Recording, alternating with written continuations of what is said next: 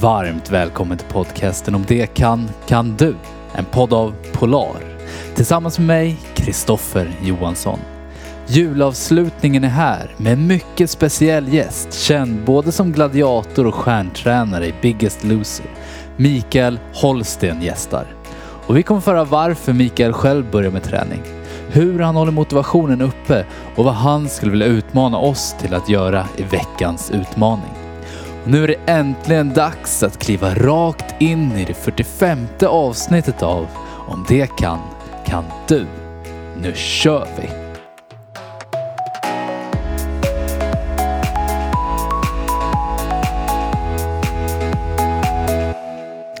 Fan vad kul! Sitta här med Mikael. Ja, hur står det till? det står jättetill, jättetill. Det står jättebra till. Ja. Eh, men eh, jag vill, jag vill officiellt be om ursäkt för att det strulade lite innan vi träffades.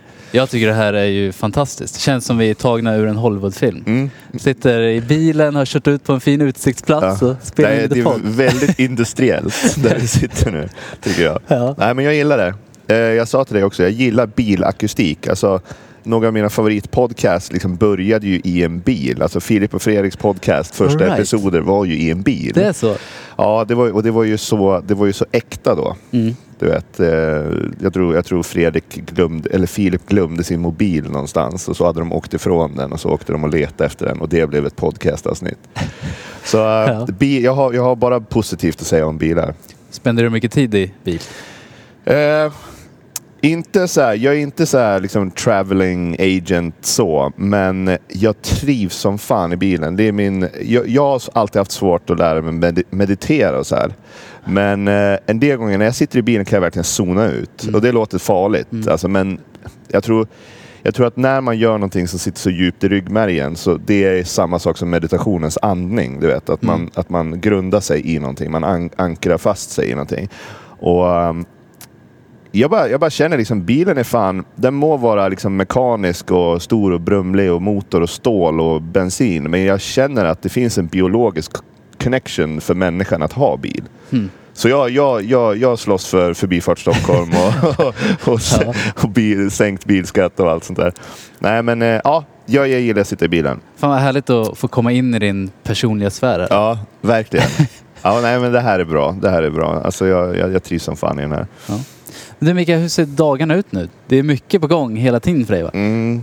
Ja, vet du, det det är lite en känslig fråga för mig det här. För att det är ganska många som uppfattar att jag har mycket att göra. Och jag skulle vilja säga så här att jag, jag, visst, jag har mycket att göra, men om, om jag tittar på kvaliteten i mitt utförande så är, är jag väldigt självkritisk. Alltså, så jag skulle behöva knyta ihop väldigt mycket. Ja. Men jag får liksom inte ihop trådarna. Och jag tror att jag gjorde ett misstag för flera år sedan liksom att, att göra för mycket själv. Och inte för att jag inte liksom litade på folk, bara för att jag var för lat att bygga ett team. Om du förstår vad jag Mm. menar. Och när man bygger för mycket på sig själv, då är risken liksom att dåliga dagar kan, kan skapa alldeles för mycket arbete för att liksom ta det tillbaka ifrån sen. Alltså högarna blir för höga. Mm. Men så jag har mycket att göra. Jag, är en väldigt splittrad person intressemässigt. Jag, jag vill inte sysselsätta mig i ett fack utan eh, det ena ger mig bränsle till det andra. Och en del gånger är det svårt att veta vart, cirkeln, vart början på cirkeln sitter. Och nu blev det ju ett barn också. Ja precis, då blir vi farsa. Ja, precis. Sen fyra, fyra månader tillbaka. Ja, hur är det på? Rick?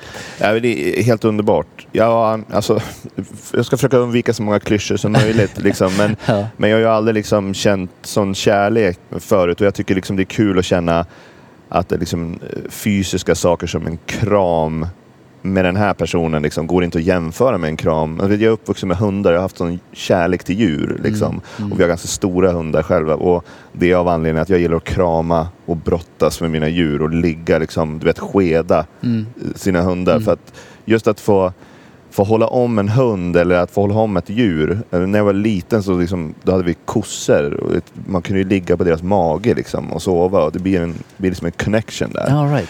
Och, um, men att nu känna liksom det här att oj, oj, oj vad det bara tog typ tre steg, fyra, fem steg upp på den här nivån. Att det är samma känsla men det, det verkligen kittlar i magen så här. Mm. Det har varit läskigt och det har varit väldigt uppfriskande att känna att det finns en sån här nivå av kärlek. Och jag gillar ju att analysera saker så att jag tänker väldigt mycket på hur folk har försökt beskriva det här för mig. Och så har jag liksom funderat, hmm, undrar om jag kan beskriva det här bättre. Känner du att du har lyckats nu? Eh, med bebissnack och så här.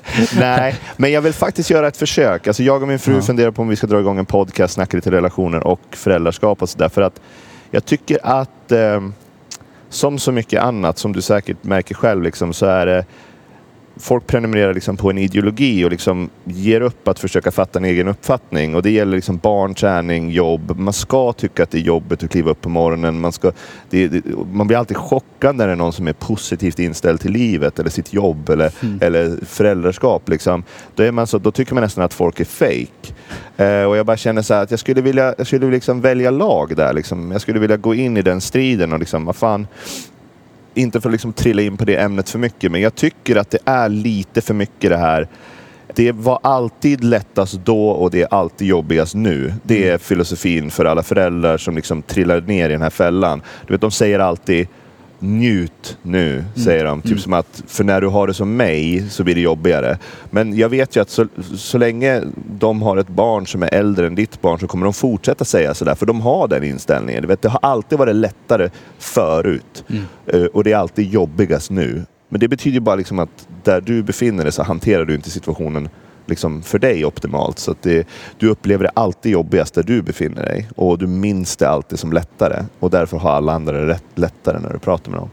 Ehm, och jag vill på något sätt bara så här, vad fan det går ju liksom att släppa alla sådana här tankar. Och jag, jag har svårt att känna hur jag någonsin inte kommer kunna vara fascinerad och vara helt uppslukad över utvecklingen som min son går igenom. Alltså han, kan ju, han, han har sovit skitdåligt nu i två månader. Ja. Men jag menar, vi, det är ju som ett science project varenda dag. Det händer ju någonting nytt varje dag. Det går ju att fokusera på det istället. Ja. Ja. Så lite så är det. ja, men grymt intressant med det här mindsetet som du pratar om att det var, det var alltid lättare förr Mm. och jobbigt nu. Mm. Och vi kommer väl in på det mer snart också. Men jag tänkte, vi börjar med, alltså varför började du med träning till Mm. att börja med? Mm. Innan jag började träna så spelade jag i alla fall basket. Alltså, så jag har alltid, min familj, jag har en storebror som har en otrolig bolltalang. Så att jag har alltid sysslat med bollsport och jag började spela basket och min bror spelade liksom både hockey och fotboll och så sen valde han fotbollen då. Mm. Så som den yngre i familjen så är jag tvungen att göra någonting annorlunda för att liksom få uppmärksamhet. Trodde jag. Jag fick inte så mycket uppmärksamhet för basket var inte lika lätt att förstå för min pappa som fotboll. Liksom. eh, så jag spelade basket, men jag var aldrig... Jag hade liksom en atletisk förmåga bara i mig. Alltså just som jag, för jag har aldrig varit den här som du vet kliver upp tidigt på morgonen och tränar på spänst eller något sånt här. Utan jag, hade, jag var lång och smal och gänglig och snabb och kunde klättra och liksom var atletisk. Så att jag hade ett övertag på många. Eh, men jag kände nog aldrig, det var ingen, jag skulle aldrig satsa mot något landslag eller All right. Nej. men, men liksom gjorde ändå så pass bra ifrån mig så att jag ändå var på topp. Sen liksom växte jag väl in i den här längden jag är idag. Alltså jag var ju någonstans där 1,88, 1,89, 1,90 men jag vägde liksom 78 kilo. Mm. Och jag tyckte det var väldigt kul att sitta framför datorn. Eh, det gjorde jag väldigt mycket. Och utvecklade en mindre attraktiv hållning liksom. Okej.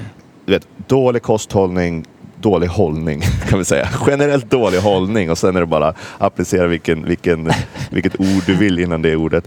Så, så var det en polare till mig som liksom hade lite samma kroppsbyggnad som bara hade varit nere i gymmet några månader och så bara träffade jag honom och sa jävlar, fan, du har fått stuk på dig själv. Mm. Och så började jag lyfta lite.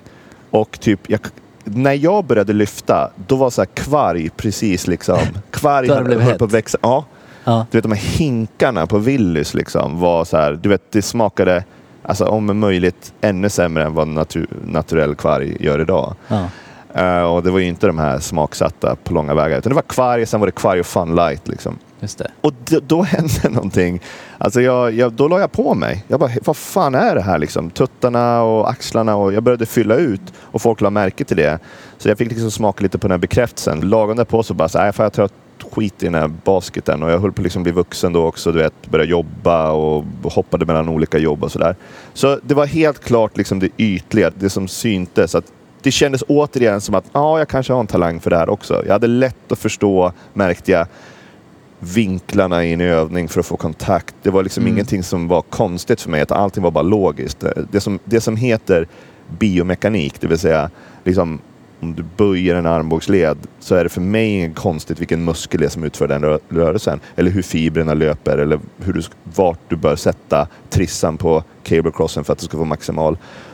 Ja, så... så Men det, men det ja. känns ändå som du har gått en lång väg från det ytliga ja, till ditt arbete med Biggest Loser och Mm. de här bitarna. Det är ju, Mm. Och som så uppskattad personlig tränare som du är. Mm. Ja, det är ju definitivt, alltså, som personlig tränare så ska du definitivt ta hand om kroppen. Du ska ju verkligen, du ska, jag tror att du ska ta hand om kroppen så tillvida att du kan stå, stapla dig själv som man så fint brukar säga, stolt och starkt. Men sen behöver du inte vara superrippad eller någonting, men du ska verkligen, du ska ha en snygg kraftfull hållning som osar självförtroende. För när du tar emot en, liksom en osäker person i gymmet så ska du liksom vara deras sköld. Och du ska vara stolt över att du är det. Men sen, från och med det och framåt, Mm. då ska du vara så otroligt lyhörd. Du ska spegla personen. Du ska liksom, och det där, det där är nog där min talang ligger. Jag, jag har ingen överhängande teoretisk superkunskap. Alltså, jag kan improvisera väldigt mycket. Jag kan ta det på volley, Mm. kan vi säga. Mm. Eh, och um, Det var nog det som klickade. Att jag, jag kunde liksom konfrontera du vet, kändisar på gymmet med en ganska down to earth attityd. Den här norrländska björnen i mig, liksom, som jag tror uppskattades väldigt mycket. Att jag, jag kallade bullshit och jag, jag sa saker som jag tyckte var självklara på ett väldigt självklart sätt. Jag var inte rädd att de skulle typ säga upp sina timmar med mig eller någonting sånt. Utan det var bättre att bara köra på stenhårt så att folk fick en tydlig bild av vem jag var. Och så att jag fick den typ av klienter som jag ville ha. Mm. Eh, Men ja, den här ytliga grejen som fick mig att börja träna, den stannar och sitter fast i träningen bara. Jag har aldrig varit fåfäng. Jag har aldrig sett mig själv så snygg eller vad heter det, ett kap. Eller sådär. Jag har alltid varit blyg liksom, mot tjejer. Jag har aldrig raggat, du vet, eller någonting sånt. Men jag har alltid haft självdistans. Jag har aldrig liksom om du driver med mig, om du sk- skrattar åt mina kläder eller något sånt där, då skrattar jag med dig. Liksom. Ja, ja. Jag vet inte var det kommer ifrån, men jag tror att allt det summerar sig i att det, det är det som har gjort att jag har haft lätt med personliga träningar. För jag har lätt med människor, jag har lätt att prata med folk. Jag, jag tycker folk bara är sjukt jävla intressanta. Liksom. Spelar Mm. egentligen ingen roll vad de, vad de gör. Nej. Det känns som en väldigt bra egenskap Mm. som personlig tränare. Du, vi har en eh, lyssnarfråga. Ja, kör. Om vi stannar på personliga tränarområdet. Mm. Tjena Mikael! David heter jag och jag jobbar på Digital Workforce och eh, på det företaget så utvecklar vi robotar åt företag för att hjälpa dem med deras dagliga vardagsrutiner och eh, jobb. Jag undrar bara, vad tror du om framtiden och det här med att robotar tar över jobben? Finns det någon eh, marknad och eh, spelrum för robotar i eh, träningen och eh, kommer robotarna bli framtidens PTR? Ha det bra, tack tack, tjena! Ja, alltså jag tycker ju att vi har ju redan virtuella robotar i alla dessa appar som liksom kommer med motivationsklickar och slänger upp ett nytt träningsschema och så här. Så att om jag ser till vad robotarna och AI som är idag är möjliga att göra så är den ju väldigt programmerings det är ett väldigt programmeringsbehov. Vi måste liksom säga åt dem vad de kan säga. Så jag måste ta för givet att vi utgår ifrån vad som är möjligt idag. Och nu har jag lite koll på AI och robotar idag. Liksom jag är, det är lite nörd, kul. nörden i mig. Som så, här, så jag vet ju vad som är möjligt. Jag tror så här att det som skulle krävas för en personlig träningsrobot, då skulle det vara så att de första fem åren, från och med år ett att vi lanserar en personlig tränarrobot, då kommer folk bara tycka det är ascoolt att träna med en personlig tränarrobot. Och tyvärr så kommer liksom det faktum att han är en robot vara det som är coolt, inte att han är duktig på att hjälpa dig komma i form. Right. Eh, och så sen är det fem år är förbi och du fortfarande kanske inte är i lika bra form som han som tränar med den där mänskliga personliga tränaren där borta. Nej. Då kanske så här, ja, fast jag kanske ska gå till han Thomas, PTn där borta istället. Ja. Det, var, det var kul att bli tränad av en robot, men jag tror att när novellityn, alltså som man säger, när den wears off, då, eh, då tror jag liksom att så som de är kapabla till idag, så då tror jag att det blir istället. Men om vi istället tittar på liksom det som appar och sånt gör idag, så det är ju liksom en form av en robot, alltså det är ju form av en, en artificiell hjälp. Alltså vi har skapat det här träningsprogrammet ska du göra idag utifrån din vikt, utifrån eh, din ålder, så ska du göra si och så här många övningar och så här många reps är optimalt för dig om jag får bunta in det, så där tror jag absolut att det finns en, liksom, en, en av ekonomiska skäl en, liksom, en framtid. Och jag tror att stegen de ska ta är precis de stegen som de här hälsoapparna på iPhone och allting gör. Att man ska gamifiera saker, Mm. du ska levla upp, att du ska Mm. ha en progress bar. För det är liksom bevisat om och om igen att människor är så otroligt duktigare på att genomföra tasks som de har. Barn när de borstar typ tänderna till belöning. Ja, men till exempel tandborstning för barn. Alltså det finns ju tandborstare som har liksom en progress bar. Ja. Så liksom de borstar tänderna och borstar de nog länge så får de liksom en pling och så får de poäng och så sparas det ner någonstans. Så har de en avatar som de levlar upp eller något sånt där. Och det tror jag absolut. Vuxna är inte immuna på det. Kolla på Pokémon Go liksom, där det fanns en typ av progress, en typ Precis. av collect, collectors grej. Folk sprang ju över hela Stockholm. Ja, över hela ut- världen. Utan, ja, över hela världen utan att tänka sig för. Så att där tror jag liksom det ligger. Sen att det, om det står någon Terminator liksom med, med hud... Mm. Stora silikon- biceps. Ja, med stora biceps. Det, är- det, det är skitcoolt Ja. när det händer. Sen tror jag inte liksom det på något sätt kommer underlätta att det står en robot där framför dig. Liksom. Men ja, Vi får se hur framtiden blir. ja verkligen. Du Mikael, du som har varit på den här eh, toppnivån så länge, alltså gladiator under Mm. väldigt många år. Du har jobbat som ja, personlig tränare under väldigt många år. Du har hållit en fysisk eh, ja, men fysik Mm. som har varit så himla bra under så många år. Mm. Hur har du gjort för att hålla motivationen uppe?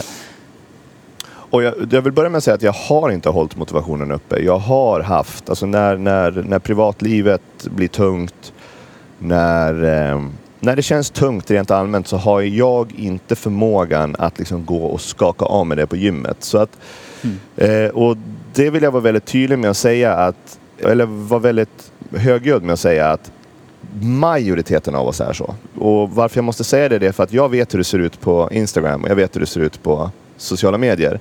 Där skriver alla om att de går liksom och rensar skallen på gymmet. Och har de bråkat så går de och ventilerar där och allting. Och jag tror att det skapar en känsla av att det är något fel på mig. Jag, kan, jag verkar inte kunna gå och bara tumma allting på gymmet. Jag, jag kan inte ens komma iväg till gymmet när jag är ledsen. Alltså, och därför måste det vara något fel på mig. Nej, det finns folk som alltid löser sina problem med, med fysisk ansträngning. Kanske slå på en säck eller brottas eller något sånt. För att då kan de inte tänka på det som de är irriterade på just då. Precis. De måste vara i nuet. Mm. Men går du till exempel och styrketränar så finns det en väldigt stor risk att du tänker på allting ändå. Eh, eller att du är helt oförmögen att gå och brotta brasiliansk jiu-jitsu liksom, när du är deprimerad. Eller om du har bråkat med tjejen. Eller om du är orolig över pappa eller mamma eller familjen. Eller att du känner dig ensam eller whatever. Så är man i en sån situation så förstå bara först och främst att när det kommer till träning och när det kommer till liksom motivation till träning. Har du någonting sånt som blockerar dig så, är du, så hör du liksom till en väldigt vanlig skara. Och det är helt okej. Och Du, du måste låta det vara okej först och acceptera att okej, det är okej, så hur löser jag det? Eh, och sättet jag liksom löser det, det är att man löser sina problem. Du löser liksom inte problemen genom att gå och lyfta hantlarna och allting. Utan du måste, liksom, du måste lösa dina problem. Liksom, så, att du, så att du sen kan leva ett liv där du kan ta hand om din hälsa. Eh, Du måste sätta problemen först. Alltså, har du någonting som tynger dig? Har du liksom ett minne som är jobbigt? Ja, du kanske ska träffa en terapeut. Alltså, du kanske ska prata med någon. Det finns obehagligt många instanser inom träning där det blir väldigt... Om vi säger att du är ledsen Mm. och så börjar du lyfta och så får du lite, lite bekräftelse. Mm. Och då känns det bra. Du har inte löst ditt problem. Du känner liksom att, ah, vad, vad skönt det här kändes. Det är en form av tröstätning liksom. Som, som, som bedövar smärtan för stunden. Och då kommer du lägga alla ägg i den korgen. Alltså det, det faktum att du är en vältränad rumpa, smal midja, bikini, fitness, tävlande tjej. Det är liksom den dagen du inte orkar göra det, då kommer du få panik. För då kommer du känna, shit, jag har inte ens ork till den enda livlinan jag har nu. Så att hålla motivationen uppe tror jag liksom handlar om att hålla ett liv så problemfritt som möjligt. Alltså att, att försöka hela tiden jobba med den här personen som ska ta sig till gymmet varje gång. Men sen, så det, jag vill bara liksom säga det att om folk får motivationsproblem med allting, så det, för det första så är det inte the end of the world, få inte panik, men försök inte forcera någonting som inte funkar. Försök inte trycka en fyrkant i en, cirk, alltså i en cylinderformad eh, format hål, utan lös dina problem. Liksom. Men du är trygg i att när du mår bra så kommer du också hålla träningen igång? Ja, exakt. Men det finns, det finns lite så, för, för att liksom, eftersom det finns en risk för att vara lite tråkig och bara ge liksom ett sånt tomt svar. Mm. Och jag har vissa saker också, för jag menar, jag jobbar ändå på, som, som tränare på Biggest Loser. Jag Mm. måste ändå kolla så här, vi måste lösa det här fort. Vi måste liksom ha, samtidigt som vi jobbar med dina problem så måste vi ha någonting som som rör oss framåt. Mycket av det som jag kom fram till var faktiskt liksom nu under Biggest Loser VIP som jag gjorde med kändisarna. För att där var det väldigt mycket så här, jag har gett upp. Och de hade gett upp även fast de var där. Liksom. Mm. Många av de vanliga eh, deltagarna, de har inte gett upp. De är, nu kör vi. Liksom, Mm. nu, vi har räddat dem. Det är som att nu kommer vi liksom sätta igång. Så att då fick jag liksom prata på ett annat sätt och då sa jag det att det viktigaste är att vi, vi måste bara ta reda på vart vi befinner oss någonstans. Jag tror att jag beskrev det till Camilla som jag sa så här att vi måste bara veta vart vi ska bygga basecamp innan vi börjar klättra upp för det här berget. Så att när du berättar hur du står till just nu. Hur svag är du? Eftersom de säger att de är svag. Hur överviktig är du? Eh, vad har du för begränsningar? Hur högt får pulsen gå?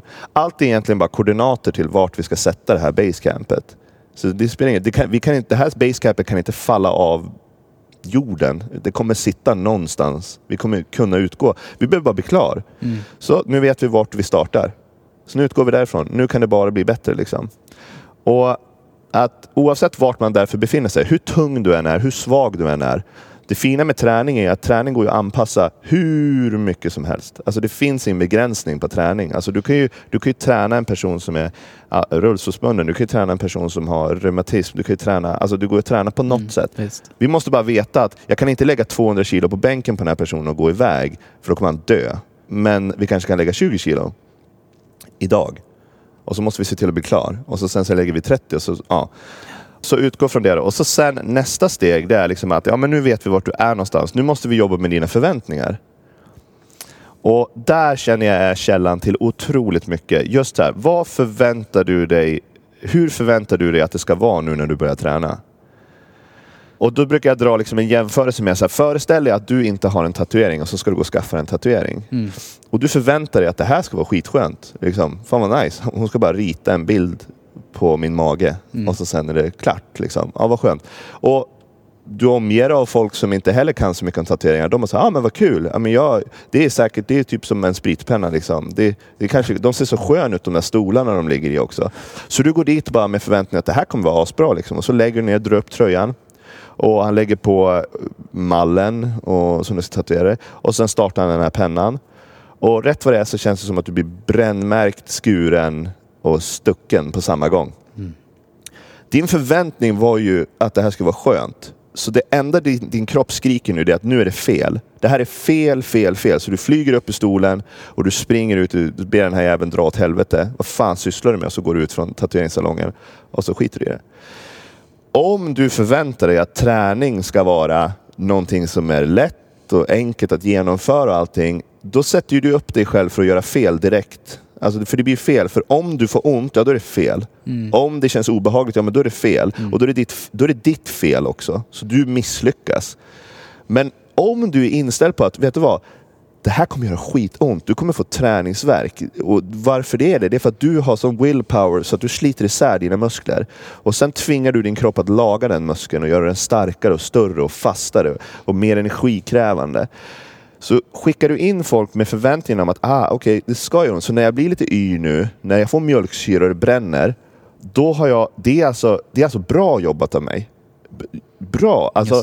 Du har inte gjort fel. Nej. du har inte gjort fel. Så att när till exempel Biggest Loser-deltagarna står och kör jättehårt efter 20 minuter och de känner att det gör ont, då skriker jag alltid samma sak till dem. Jag säger det. Hade man kunnat kliva in i det här momentet direkt när man kom på gymmet, alltså första minuter, då hade alla gympass varit över på en minut.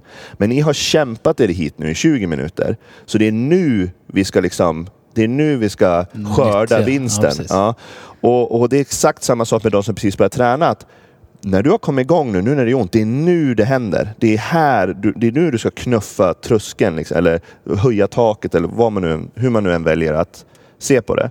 Så förväntningar är allt känner jag. Förväntningarna för mig, och hur applicerar du det här på dig Mikael? Jo, jag till exempel hatar att springa, men jag vet hur jävla viktigt det är för min kropp att springa. För jag blir för... Jag får för dålig återhämtning och jag blir för lat liksom, när jag gör för mycket av det jag vill göra. Du vet, det blir en typ av en fysisk prokrastinering liksom, när det kommer till träningen. Att jag gör bänkpressar bara för att det går väldigt bra med bänkpressen. Då bestämmer jag mig för liksom att löpningen ska vara skitjobbig. Och det är en jobbig grej du har att göra. Så att det blir som en sorts mental styrketräning, bara att ta dig iväg. Och ju jobbigare det är att ta sig iväg, desto viktigare är det att jag genomför det. För om jag till exempel ska kliva upp klockan fem varje morgon för att springa 30 minuter, då finns det fler modifikationer vi kan göra. Vi kan kliva upp halv fem för att, få, för att det ska vara ännu jobbigare. Vi kan springa Mm. 40 minuter för att det ska vara ännu jobbigare. Och reaktionen då, om det står på mitt schema att jag ska göra det, det ska reaktionen inte vara Oh my god, utan det ska vara Yes, fan vad nice, nu presenteras en utmaning här som kommer gynna mig ännu mer mentalt. Alltså det här mentala marklyftets vikt, alltså det blir som ett PB i min mentala träning om jag tar mig iväg då och gör det. Så varenda steg som känns tungt, varenda steg som känns jobbigt, varenda andetag som känns otränat. Det behöver inte, det behöver inte spela någon roll. Det spelar ingen roll hur jobbigt det är. Det spelar ingen roll hur dålig du känner dig. Utan det enda det betyder är att du gör det trots att du känner dig dålig. Liksom. Och det är där i vinsten ligger. Alltså, du är ju ändå ute och springer. Så wa- varför klanka ner på dig själv att det är jobbigt? Låt det vara jobbigt, för det ska vara jobbigt. Mm, just det. Hur, jag är lite nyfiken på hur du applicerar det på nyår som kommer upp. Mm. Och, och det har vi en eh, lyssnarfråga om Mm. också. Tjena Mikael, Josef heter jag. Du är en stor förebild när det gäller träning och eftersom det är slutet på året nu och vi strax går in på nytt år, nya möjligheter och januari så tänkte jag passa på att fråga vad är ditt bästa tips för mig och eh, förmodligen alla andra som känner att de ska ta nya tag men inte riktigt liksom vet hur de ska komma igång efter en lång fet julhelg. Tacksam för ditt bästa råd kring hur man lättast eh, kommer igång för att hålla uppe träningen sen på det nya året. Tja! Ja, eh, den här frågan har ju blivit lite så här mainstream. Det här är ju liksom, alltså vi har ju skapat den här situationen liksom genom nyår. Att, att vi kulturellt chillar och äter mycket. Liksom att så här, Har du varit inne i den svängen också med nyårslöften och nej. brutna? Och... Eh, nej, men det är kul. Det är kul. Alltså, så här, jag, har inte varit, jag har inte hetsat över det. Jag har ju aldrig egentligen behövt... Alltså, jag är mer för skojs skull tänkt så här. Jag ska lära mig göra en handvolt. Typ. Men sen har det så här runnit ut i sanden bara för att jag, jag gör andra saker. Alltså, så här, för att mina nyårslöften har alltid varit en kul grej bara. Ja. Det har aldrig varit så här, "Åh, men jag måste komma i form nu. Eh, Jag är fan 150 kilo liksom. Eh, Så att... ehm, Det kan jag tänka mig väldigt många som har dock. Ja, att, att, de är, eh, att de är i såna här lite mer allvarliga. Mm. Ja, jo och då är det så här. Jag ska, jag ska faktiskt försöka göra nu, jag ska faktiskt försöka ge ett tips istället för att säga någonting tråkigt som man inte vill höra. Alltså, jag, tror, jag tror nämligen att man vill inte höra se till att inte finna dig i den situationen innan nyår. Så jag ska utgå ifrån att det är fundamentalt omöjligt att inte äta obscena mängder julskinka eh, och julgodis under två veckors tid. Mm. Och så sen ska du liksom ta dig tillbaka efter det. Då skulle jag liksom, liksom lite... Det Det är ett bra basecamp. Ja, exakt. Det är, ja, vi, kan, vi, Utgår därifrån. vi utgår därifrån. Du har liksom skapat basecamp. Så Mm det finns absolut ingen fara. Du kan börja hur litet som helst. Men sätt dig ner och skriv en plan. Eh, och samla sen dina verktyg. Liksom. Alltså en plan. Okej, vad kommer jag behöva? Jag kommer behöva motivation. Jag kommer behöva inspiration. Jag kommer behöva musik. Jag kommer be- eh, du kan spendera till exempel mellandagarna med att bygga en playlist. Du kan spendera mellandagarna med att bygga en playlist på Youtube med in- folk som tränar hårt. Alltså, underskatta aldrig hur motiverande det kan vara att se folk kämpa hårt. Alltså, det, är, det är väldigt smittande liksom, att se tjejer och killar. Du vet, om, det är så att, om du kollar på Crossfit Games eller om du kollar på... Det, alltså, det har aldrig varit bättre att hitta mycket träningsinformation på internet. Allt är gratis. Mm. Och du får alltså hjälp som vissa har betalat hundratusentals kronor för att komma åt. Alltså folk står och har föreläsningar på Youtube om optimal träning och allt sånt där. Så att du kan samla på dig en massa sånt. Så att det jag snackar lite om nu är att vi ska göra ett förarbete. Vi ska göra ett för... När du ligger och softar i soffan så kan det ändå vara kul att bygga en playlist på Spotify. Det kan ändå vara kul att bygga en playlist på Youtube. Och du kan liksom bestämma dig att varje morgon så ska jag äta den här frukosten till exempel. Okej, vad finns det för bra frukost där? Och så samlar du på det. Efter ett tag så har du liksom lagt ner ganska mycket. Du är nästan där i huvudet. Du har liksom byggt upp hur din tillvaro kommer vara. Och du har byggt upp så mycket saker, så många parametrar så att det känns väldigt tryggt. Du kan till exempel på dagen innan nyårsafton eller nyårsdagen. Alltså nyårsdagen är det så svårt att kräva att folk ska göra någonting för de är oftast bakis eller någonting. Men jag skulle dessutom städa, jag skulle organisera, jag skulle vika ihop träningskläder. Jag skulle förbereda liksom fem träningsdagar med träningskläder. Jag skulle liksom ställa fram skorna, jag skulle packa träningsväskan, jag skulle packa vattenflaskan, jag skulle packa tillskotten jag ska ha på morgonen. Jag skulle ha liksom en liten frukostunit. Liksom med, här tar jag min omega-3, jag tar en proteinshake. Eh, det här får jag inte ta förrän jag kommer tillbaka från joggingrundan. Eh, den måste minimum ta fem minuter första gången, tio minuter andra gången. Så att man kanske har planerat hela sin vecka. Och Sånt här är jävligt kul. Det är kul att preppa, alltså att göra ordning sådana här saker. För att du, det är inte jobbigt än. Alltså det, det är bara kul än. Du håller fortfarande bara på att göra ordning. Mm. Och du, du sätter upp dig själv för att lyckas. Eh, tror det eller ej, men väldigt många kognitiva beteendeterapeuter jobbar så här med folk som kommer till dem och säger att jag har svårt att träna. Då backar de bandet för att ta reda på vart är det första hindret. Och då kan man säga så här, nej men för att jag är rädd att gå på gymmet. Nej, det är oftast inte första hindret. De är alltså bokstavligt talat ute efter första hindret. Och då kan man komma fram till att det är att packa väskan. Ja, men då gör vi det kvällen innan. Så innan du går och lägger dig så ska du liksom organisera din väska. Men då kanske man kommer på att ja men alltså mina träningskläder är utspridda över hela lägenheten. Mm. Men då måste du tvätta och så måste du liksom samla dina kläder och vika och göra dem mål, sortera dem, träningskläder och allting. Till slut så har man backat så långt bak så att det man har fått är en organiserad livsstil, att man har fått ett organiserat liv. Tror du att det är det som de flesta gör fel? Att de, eller gör misstaget att de befinner sig för långt fram i sin nyårslöfte?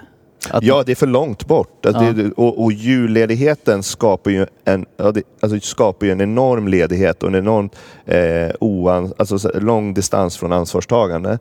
Och det tycker jag, det tycker jag att det är helt okej. Och därför tycker jag liksom att man kan istället då spendera bara, när man ligger i soffan och jäser, så kan man in och pilla på telefonen och bygga den här playlisten. Du vet, man är på bra humör, man är, man är liksom lite extra motiverad. Man kanske dessutom känner lite extra skuld över att man har ätit mycket, så att du vet, man har den motivationen också.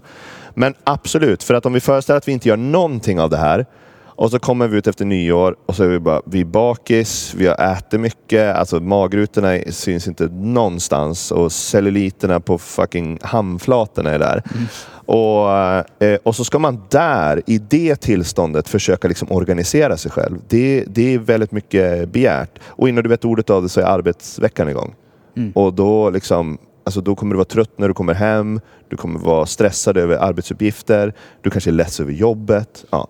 Så när du är ledig, ta chansen på för att liksom förbereda. Under julledigheten? Ja, jag tycker, jag tycker absolut det. Och bara små, små, små, eh, små, små justeringar. Och att du hela tiden samlar, att du bygger en plan. Du kommer vara så jävla stolt också över att du faktiskt bygger en plan. Det är jävligt coolt liksom att ta det ansvaret.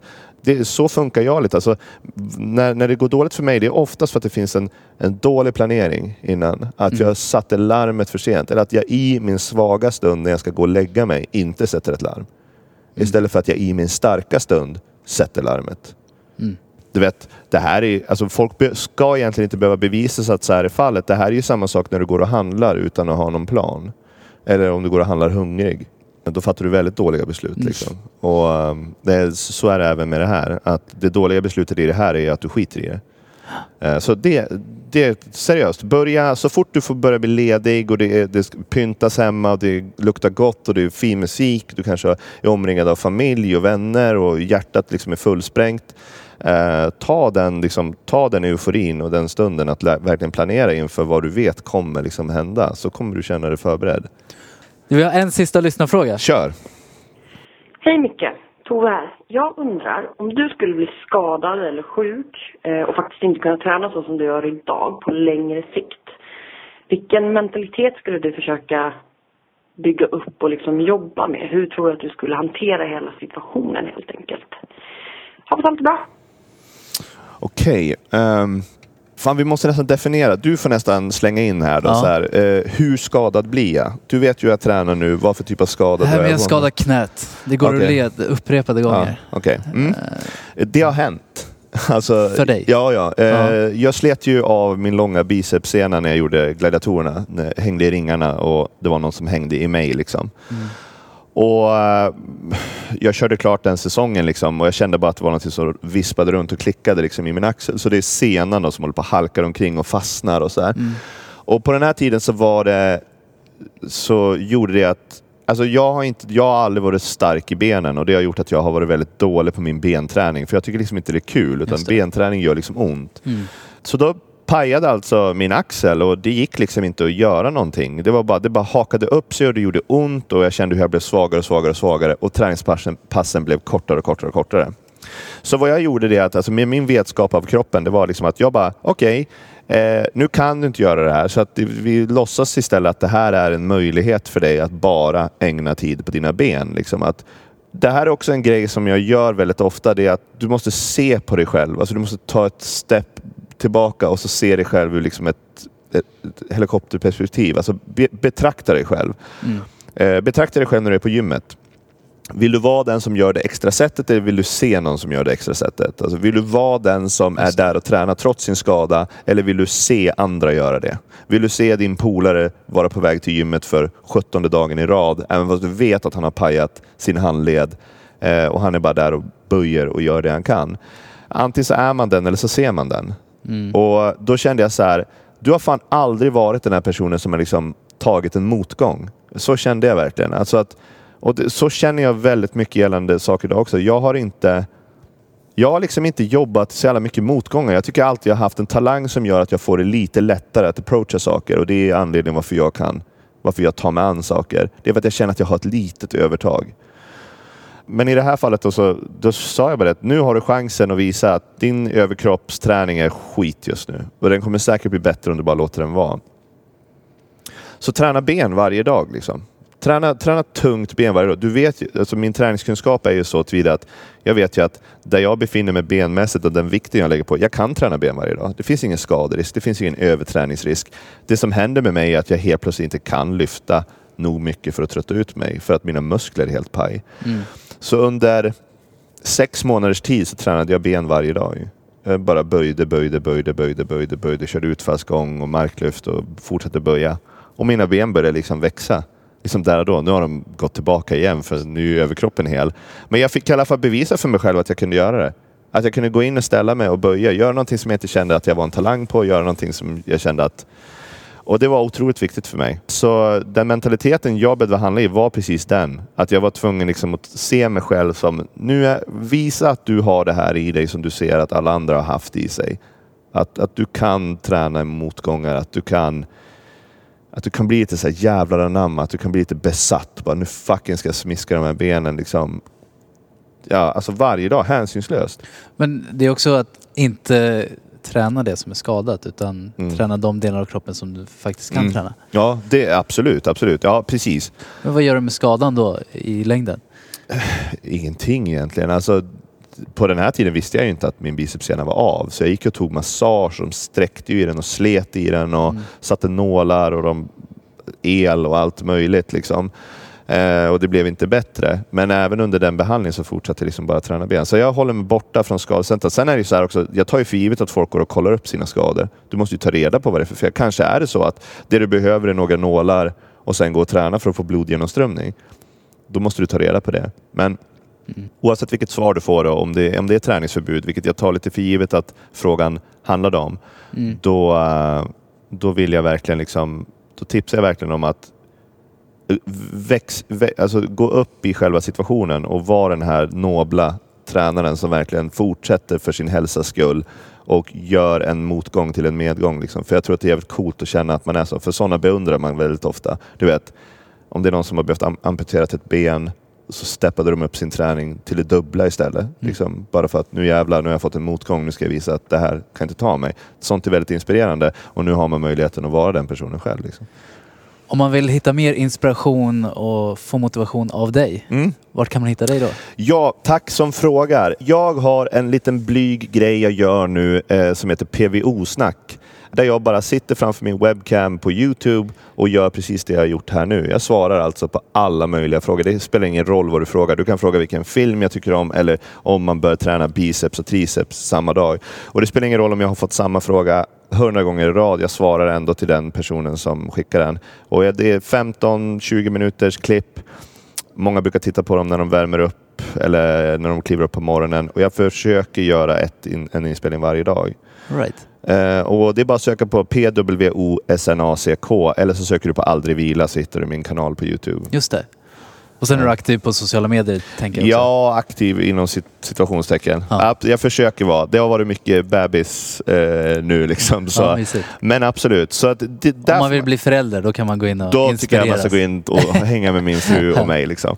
Men, eh, nej, men så, sen har jag en spelpodcast. Eh, jag är ju nörd, som jag nämnde, som heter Pixelpod. PXLPOD. Där vi pratar om film, serier och tv-spel. Så där får man jättegärna gå in och är man, är man dessutom förälder och gillar att gamea så har vi liksom ett stort community med, med sådana som hänger varje kväll. Men PVO-snack. In Ja. och ställ frågor. Om du kom på en fråga när du lyssnar på det här som du vill ställa så svarar jag på den så fort jag kan. Grymt ju. Då har jag bara en sista fråga, Mikael. Mm. Vad skulle du vilja utmana våra lyssnare till att göra den här veckan? Den här veckan, oh okej. Eh, den här veckan så skulle jag vilja utmana lyssnarna med cold showers. Cold showers. Det har jag precis börjat med. Tufft. Eh, så cold showers, de får instruktioner från mig för jag vet att första veckan, eh, sen kan man läsa på lite mer om det här. Det jag vill att ni ska göra, det är att eh, när ni står och duschar på morgonen, och det är jätteviktigt att ni gör det här på morgonen, för det kan eh, set you, sets you up for the day det här. Ja. Så då ska du duscha väldigt varmt, och så sen, eller väldigt varmt, du ska duscha varmt. Behagligt först. Ja, behagligt. Och det, det, det är ett tips är att du kan vrida på lite mer värme också. Eh, så lite så här ångbastu-känsla där inne. Ja. Men sen stänger du av duschen och så sen vrider du på kallt, du kliver ur duschen och så, så ska det vara det absolut kallaste som går. Eh, och du ska inte stå i duschen när det här händer. Nej. Och så sen ska du kyla på och så sen kliver du in och du ska alltså låta det här skölja på ditt bröst från halsen och neråt. Försök träffa armar och allt om det går. Det går att skölja nacken också, men det kan vara lite obehagligt för vissa för att man tar upp väldigt mycket kyla där. Det kan spridas upp till skallen och det kan göra ont i skallen. Det är ingen fara, men det kan vara lite jobbigt. Fokusera på andningen. Liksom, andas igenom. Du ska stå 30 sekunder. Du är absolut tillåten att stå längre och det är ingen fara om du står bara 10. Nej. Det ska vara en chock. Nu är vi ute med det här med förväntningar. Det. Det här ska vara så obehagligt som det kan vara. Eh, de gångerna jag har fått kylan på skallen så känns det som att skallen håller på att klyver sig själv. Alltså jag gråter av den smärtan. Men du ska inte hälla på skallen nu. Så jag har gjort det misstaget. All right. Men testa det här. Gör det varje dag i den här veckan nu. Eh, det, är, det här är alltså precis det jag har pratat om. Det här är så vedervärdigt jobbigt. Det här känns som det sista du vill göra på morgonen och det är just därför du ska göra det. Se det som en lyx att du har nu fått en liten idé som är jättesvår rent mentalt att motivera dig till. Det du får utifrån det här, utöver de biologiska och fysiska eh, vad heter det, Effekterna. effekterna som faktiskt cold showers ger, så får du alltså en så kallad mental fortitude som du kan använda i alla mentala motgångar. Att du inte fick den där befordran som du ville ha, att du har bråkat i relationen. Att någonting. Du blir duktig på att ta dig an saker som är jobbiga och du vinner över din lathet. Liksom. Sen kommer det kännas som att när du stänger av den här kallduschen och blodet skyndar sig ut till hudens liksom, yttersta eh, områden. Det känns som att du får en chock i kroppen och det är ett underbart sätt att starta. Ja, du är faktiskt det. det är, för stunden att jag längtar tills de får känna det här. Och det är bara det faktum att du kan kliva ut ur duschen och gå ut i lägenheten utan att frysa. Ja. Det är en underbar känsla. Du Ja, kan gå runt och lufttorka bara. Men är det här är någonting som du gör just nu också? Jag är ju jättefascinerad av en kille som heter Wim Hof, The Iceman. Varm rekommendation. Läs om holländaren Wim Hof, Mm. The, the Iceman. Hur länge har du kört då? Jag är inne på andra veckan av Ja. cold showers. Liksom. Jag har kört hans andningsteknik. Han, han är känd för att han springer maraton i snö utan skor och bara med kalsonger. Så, och Det påverkar inte hans kropp. Han får inga frysskador eller någonting. Mm. Nej. Så uh, cool kille. Så cold showers, Ja, shit. fuck alltså. Det, klarar ni av det, då finns det fan ingenting ni inte klarar Så av. veckans utmaning är att duscha kallt alla dagar den här veckan? Alla dagar den här veckan, liksom, Mm. och banga inte nu alltså. För det, se det som en möjlighet, inte som någon eh, liksom, utmaning. Ni har en möjlighet nu att ta er an någonting som ni kanske inte skulle ha kommit på att ni har tagit er an. Så nu Just har ni det. fått chansen här. Och då börjar man med varmt. ja. Lite varmare än vanligt om man vill. ja, om man vill, för det kan underlätta lite i alla fall. Yes, så Mm. kliver man ut, Mm. vrider på kallt, Ja. Tar ett par djupa andetag Ja. och så går man in. Låt det skölja liksom 20 sekunder innan ni kliver in. För det här det ska vara en chock. För att grejen är det att du kommer få en smocka chockmässigt som du sen måste liksom återhämta dig ifrån med hjälp av din andning. Och jag svär, alltså lyssna bara på det här. Om jag får bara ge er liksom en, en morot, morot. Redan andra gången så kommer ni känna effekt. Ifall, eh, ni kommer märka vad mycket snabbare ni tar er till eh, lugnet. Under den här chocken av kylan. Alltså, så fort går det. Så från den ena gången till den andra så kommer det gå mycket snabbare att komma in. För ni kommer nämligen tredje, fjärde gången, då kommer ni gå in i den här kylan, chocken kommer, men på en halv sekund så är den borta. Och så står ni bara där och andas istället. Och det är en jävligt cool känsla att känna att wow, jag har redan lärt mig att hantera det här. Det ska bli intressant att se vad dag sju ger. Ja. då, får man, då får man vingar och kan flyga. Snyggt. Ja, håll ut. Du Mikael Holsten, otroligt kul att du var med här idag. Det var jättekul att vara med. Tack för alla bra frågor och tack för samtalet. Du har lyssnat på Om det kan, kan du. En podd av Polar. Och då var vi klara med årets sista avsnitt och vilket avsnitt det blev. Jag vill ge ett jättestort tack till dig som har lyssnat för att ha följt med mig, Kristoffer Johansson och Polar i alla möten med Sveriges främsta atleter. Hur framtiden för 2018 kommer att se ut är ännu inte bestämt så håll ögon och öron öppna. Jag hoppas att du blivit inspirerad av att lyssna på alla de fantastiska människor vi haft som gäster och jag hoppas att du tagit med dig flera saker för att kunna ta din träning till nästa nivå. Och jag hoppas att du alltid kommer ihåg att om det kan, kan du.